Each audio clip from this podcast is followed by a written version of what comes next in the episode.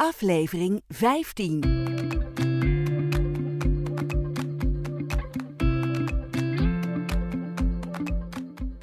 Dit is een podcast van Advocaten, Familie en Erfrecht met Inge Diepman en Joost Dix.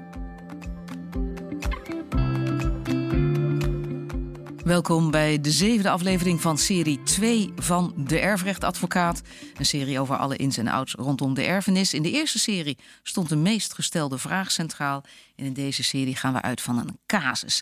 En die wordt besproken en van wijze raad voorzien door meester Joost Dix, specialist familie en erfrecht, partner bij Advocaten Familie en Erfrecht. En dat is gevestigd in Eindhoven, maar ook actief in de provincies Utrecht en Limburg.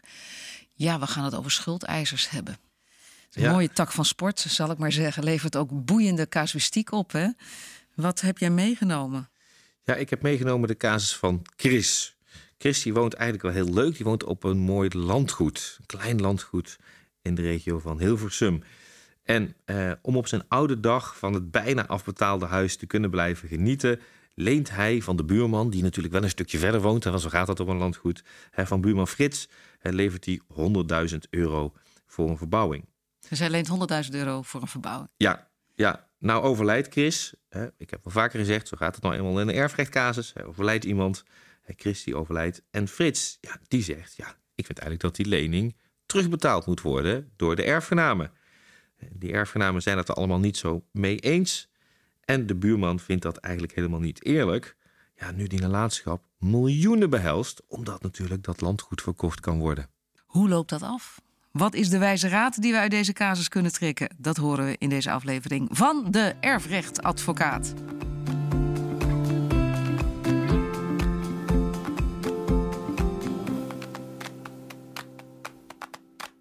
Ja, Joost, uh, allereerst, zit, zit die ton inderdaad in de verbouwing? Ja, die, uh, die buurman. die heeft landgoed. Die, uh, ja, de overledene Chris, die heeft die 100.000 euro geleend. Die heeft daar iets heel moois voor gedaan voor het landgoed. Ja, Het ligt niet zomaar ergens in een kistje. Nee.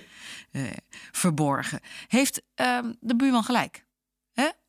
want de erfgenamen zeggen: Oh, oh, nee, ehm, wij hebben niets met die ton van jou te maken.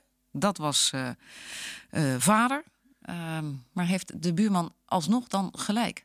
Ja, eigenlijk wel, hè? Eigenlijk heeft die buurman gelijk, omdat je zo moet zien dat die erfgenamen die treden in alle rechten en verplichtingen van zo'n erflater. Dus als er dus nog bijvoorbeeld contracten zijn die nageleefd moeten worden, dan is het in beginsel zo dat die overgaan in die nalatenschap. We noemen dat ook wel de seizoenregel. Je treedt in de voetsporen van de erflater. En wat zijn dan al die schulden? Hier is het helder. Er was een ton en die ton is gebruikt voor een verbouwing. Ja, dus dat kan van alles zijn. Dus uh, de wet heeft zelfs een speciaal artikel waarin de schulden van de nalatenschap worden genoemd. Helemaal in het begin van boek 4 in artikel 7. En onder andere worden daar genoemd de schulden van de erflater die niet met zijn dood teniet gaan. En dit is dan zo'n schuld. Maar er staan bijvoorbeeld ook uh, de schulden van lijkbezorging bij, van vereffening en van executelen en de successierechten staan erin, de erfbelasting, eh, de, de, de, de, de, de legitimes, legaten, nou ja, noem het maar op. En dan worden al die schulden opgenoemd. Maar er zijn dus ook schulden, herhaal nog steeds de eerste zin die je zei. Ja, de schulden van de erflater die niet met zijn ja. dood niet gaan. Dus er zijn ook schulden die teniet gaan bij de dood van de erflater. Ja, dat zou ook kunnen. Hè. Dus er zou ook kunnen zijn dat uh, die, uh, daar ook bepaalde, bepaalde schulden uh, zijn. maar dit is. Maar welke zijn dat dan? Ja. Want als ik die lijst van jou, je hebt ze voor ja. je liggen, een hele lijst, uh, zo bekijk, uh, dan, dan lijken bijna alle schulden uh, niet te niet gedaan kunnen worden. Nou ja, als we bijvoorbeeld in deze casus, hè, kan we zoiets voorstellen, wanneer zou die erfgenaam het niet meer hoeven te betalen? Misschien is wel afgesproken. En je zegt van nou, als ik nou overlijd, dan, dan laat het maar zitten. Hè, dat, zou, dat zou kunnen. Maar die buurman die wil die ton terug. die kinderen zeggen, daar hebben we niks mee te maken. Stel nou dat die kinderen die erfenis hebben verworpen. Vis dan ook de buurman achter het net? Nee, hè, die kinderen hebben hè, terecht, die hebben nog iets te kiezen. Hè, die kunnen zeggen, nou, ik aanvaard zuiver, hè, met privévermogen aansprakelijk. Ze kunnen zeggen, ik aanvaard beneficiair. Hè, dan als er uiteindelijk een tekort is, hè, dat is hier niet, hè, hier zijn die miljoenen, hè, maar als er uiteindelijk een tekort is, hoeven ze niet bij te passen. En als ze verwerpen, hè, dan zijn zij geen erfgenaam. Maar ja, dan komen er of uit het testament of uit de wet weer nieuwe erfgenamen. Ja, en daar klopt uh, buurman Frits dan aan. Hier is het duidelijk, want ik neem aan dat buurman ook uh, wel een glas wijn heeft gedronken uh, met de eigenaar van het landgoed. En daar hebben ze het over gehad, over dat landgoed. Dus ik denk dat buurman in dit geval weet dat er gewoon geld is. Dat dat landgoed verkocht kan worden en dat er dan geld over is. Maar dat weet je natuurlijk niet altijd. Moet je dan nagaan wat er in een nalatenschap zit om te weten of je iets kan halen en hoe doe je dat? Ja, dat is soms wel verstandig. Hè? Want soms weet je ook misschien helemaal niet wie de erfgenamen zijn. Hè? Waar je moet, uh, moet aankloppen. Oh ja, dat kan natuurlijk ook. Hè? Dus soms moet je misschien eens op onderzoek. Hè? Nou, boedelregister wel eens over gehad. Hè? Misschien kun je daar iets, uh, iets ontdekken. Maar misschien komen we er ook helemaal niet achter soms. Hè? Dus ja, dan moeten we kijken uh, of we dan iemand kunnen vinden die jouw vordering dan gaat betalen. Ja, en die iemand is dan de vereffenaar. Hè? Dus een schuldeiser kan zeggen: Goh, als mijn vordering niet betaald wordt, als ik er niet achter kom uh, wie, met wie ik zaken moet doen, dan vraag ik de rechter om een vereffenaar te benoemen. En wat die vereffenaar dan gaat doen, die maakt die boedelbeschrijving en die gaat inventariseren. Wat zijn allemaal de schuldeisers? Dus je komt misschien wel met een heel lijstje van schuldeisers. En wat hij dan gaat doen, is kijken, oké, klopt het wat buurman Frits daar zegt? Is dat inderdaad die 100.000 euro? Hè, dat misschien nog een overeenkomst, een, een, een, eh, papier overgelegd moeten worden. En als die vereffenaar zegt, ja, ik zie wel dat dat klopt dan komt hij op de lijst te staan met schuldeisers. En vervolgens gaat de vereffenaar kijken wie kan er allemaal uh, worden betaald. En, um, en misschien ook in welke volgorde. Ja, want wat, hoe doet hij dat dan? Want hij bepaalt dus die volgorde. Ja, die, die buurman dus, komt aan en zegt: Hi, ik heb een, ja. ton, een, ton, een ton wil ik terug, maar uh, er staan er nog meer in de rij. Ja, precies. Hè, dus dat wordt natuurlijk vooral relevant als niet iedereen betaald uh, kan worden, hè, wat, wat de volgorde is. Hè, maar dan dat artikel 7, hè, waar ik het net over had, waar die schulden allemaal in staan die bepaalt een volgorde. En overigens ook allerlei andere wettelijke bepalingen. Die geven een keurige rangorde aan. De vereffenaar weet hoe dat werkt. En die zal dan keurig alles op volgorde zetten en netjes gaan betalen. Wanneer heeft het zin om het op die manier aan te vliegen? Kijk, bij een ton kan ik me dat voorstellen. Maar je maakt hoe dan ook kosten. Als je, als je 1000 euro hebt uh, geleend, heeft het dan zin om deze weg te bewandelen? Nee, je moet bij elke, maar dat geldt bij elke uh, juridische procedure natuurlijk een kostenbatenanalyse maken. Dus als je een beperkt bedrag geleend hebt en je komt er niet heel snel achter wie de erfgenamen zijn, of je krijgt dat niet heel snel betaald, moet je uiteraard altijd de afweging maken: is dit het me waard? En waar ligt ongeveer die grens? Ja, dat is per persoon verschillend. dus de een die zal zeggen van goh, uiteraard zal de erfrechtadvocaat een inschatting geven wat zijn de kosten van een bepaalde procedure.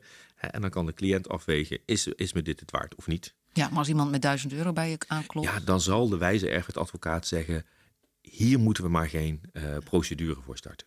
Nou, in dit geval is het simpel. Hè? Want er liggen gewoon miljoenen. Als dat landgoed wordt verkocht, dan komen er miljoenen op tafel te liggen. Uh, die buurman die wil die 100.000 euro dus terug. Uh, ja, wat. Uh, in, in dit geval lijkt mij het heel logisch. Dus het, het, lijkt mij dat deze casus gewoon ter verveur van die buurman afloopt. Of zit er ergens nog een addertje onder het gras? Ja, nee, dat is op zich ook logisch. Het moet natuurlijk wel betaald kunnen worden uit een nalatenschap. Hè, dat is dus één. Maar als die broer, oké, dan zeggen die kinderen: ik ga dat landgoed niet verkopen. Ja, nee, maar zo zal dat dus niet werken. Hè, zo zal dat niet werken. Hè, nee, dan zal uiteindelijk dat landgoed zo verkocht moeten worden dan om de schulden te voldoen. En waar deze kaas natuurlijk ook een beetje over gaat, is dat we met z'n allen soms ook wel eens denken: van goh, als iemand overleden is, dan geldt er van alles niet meer.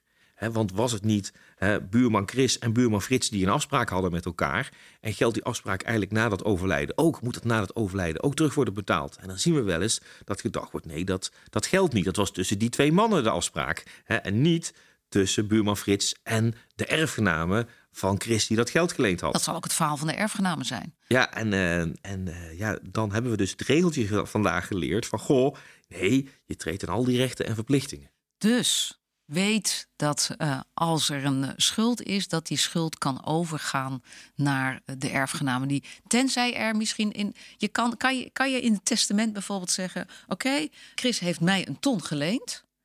Uh, maar dat hoeft niet terugbetaald te worden door mijn erfgenamen. Ik legateer hem dat uh, bedrag. Dat kan. Ja, dat kun je bepalen. Je kunt bepalen dat je iemand iets, iets uh, laat toekomen uit je nalatenschap. Dat kan zeker. Ja, op die manier. Maar kan je ook in je testament zeggen van... de buurman die heeft mij een ton geleend. Maar als ik doodga, dan krijgt die buurman niet, wat in de wet staat, die ton terug. Nee, dat kan niet. Andersom kan het dus niet. Ik dacht, nee, misschien is er nog een heel kleine hoop voor nee, die erf. Want je hebt twee dingen. Je hebt de afspraken tussen partijen. Hè, dus die twee buurmannen hebben een afspraak gemaakt. En dan kun je niet met je testament doorheen door te zeggen: nee, nou krijg je het niet meer terug. Nee, want dan zouden er, denk ik, om die reden al vanaf morgen heel veel testamenten gemaakt worden. En zo, uh, en zo werkt het dus niet. Nee. nee, dus hier zal het dus zo aflopen. Hè, uh, we hopen niet hè, dat dat heel veel gedoe oplevert, maar hier zal het inderdaad zo aflopen dat de erfgenamen van Chris netjes het bedrag aan buurman Frits zullen terugbetalen. Is er een vererfenaar in het spel geweest? In, uh, in deze casus uh, hebben we natuurlijk heel veel van dit soort casussen. Maar in deze casus zijn de kinderen tot inzicht gekomen. maar je hebt ook best wel veel um, nalatenschappen waar uiteindelijk de vereffenaar toch in actie moet komen. Dat er vereffenaar benoemd moet worden. En dat zie je vaak ook wel als er veel meer schulden zijn. of als een belangrijke schuldeiser zegt: ja, ik vind gewoon geen gehoor bij de erfgenamen. En dan knapt de vereffenaar het voor ons op. Je wijze raad. Ik heb hem je eigenlijk al horen zeggen. Ja, het dus het schulden die met de dood niet gaan, hè, die moeten na een overlijden ook betaald worden. Dus houd er rekening mee als erfgenaam hè, dat je in de voetsporen van de erflater uh, treedt. En voor de schuldeiser, en natuurlijk de tip, ja, ook na een overlijden hè, kun je vordering nog gewoon betaald krijgen. Vooral dat laatste, hè? want dat heb ik eh, opgemaakt uit jouw verhaal. Dat vergeten mensen dus. Ja, zo is het. Dankjewel Joost, weer veel geleerd. Uh, ik hoop dat het ook geldt voor degene die deze podcast heeft beluisterd. En voor wie niet alleen wil luisteren, maar ook wil lezen over dit onderwerp, ga naar familie-erfrecht.nl, de website van Advocaten Familie en Erfrecht. En daar is ook alle informatie te vinden over het inschakelen van een erfrechtadvocaat. En staan ook hele leuke foto's van Joost en zijn collega's op. Mocht u willen reageren op deze podcast, kan stuur een e-mail naar info@familie-erfrecht.nl. En u kunt ook altijd een reactie achterlaten op iTunes. Onze volgende aflevering gaat over de legitimaris. Ofwel, Joost gaat het hebben over zoon onterfd door vader. Zijn zus krijgt alles, vindt vader. Maar ja, daar denkt de wet toch anders over.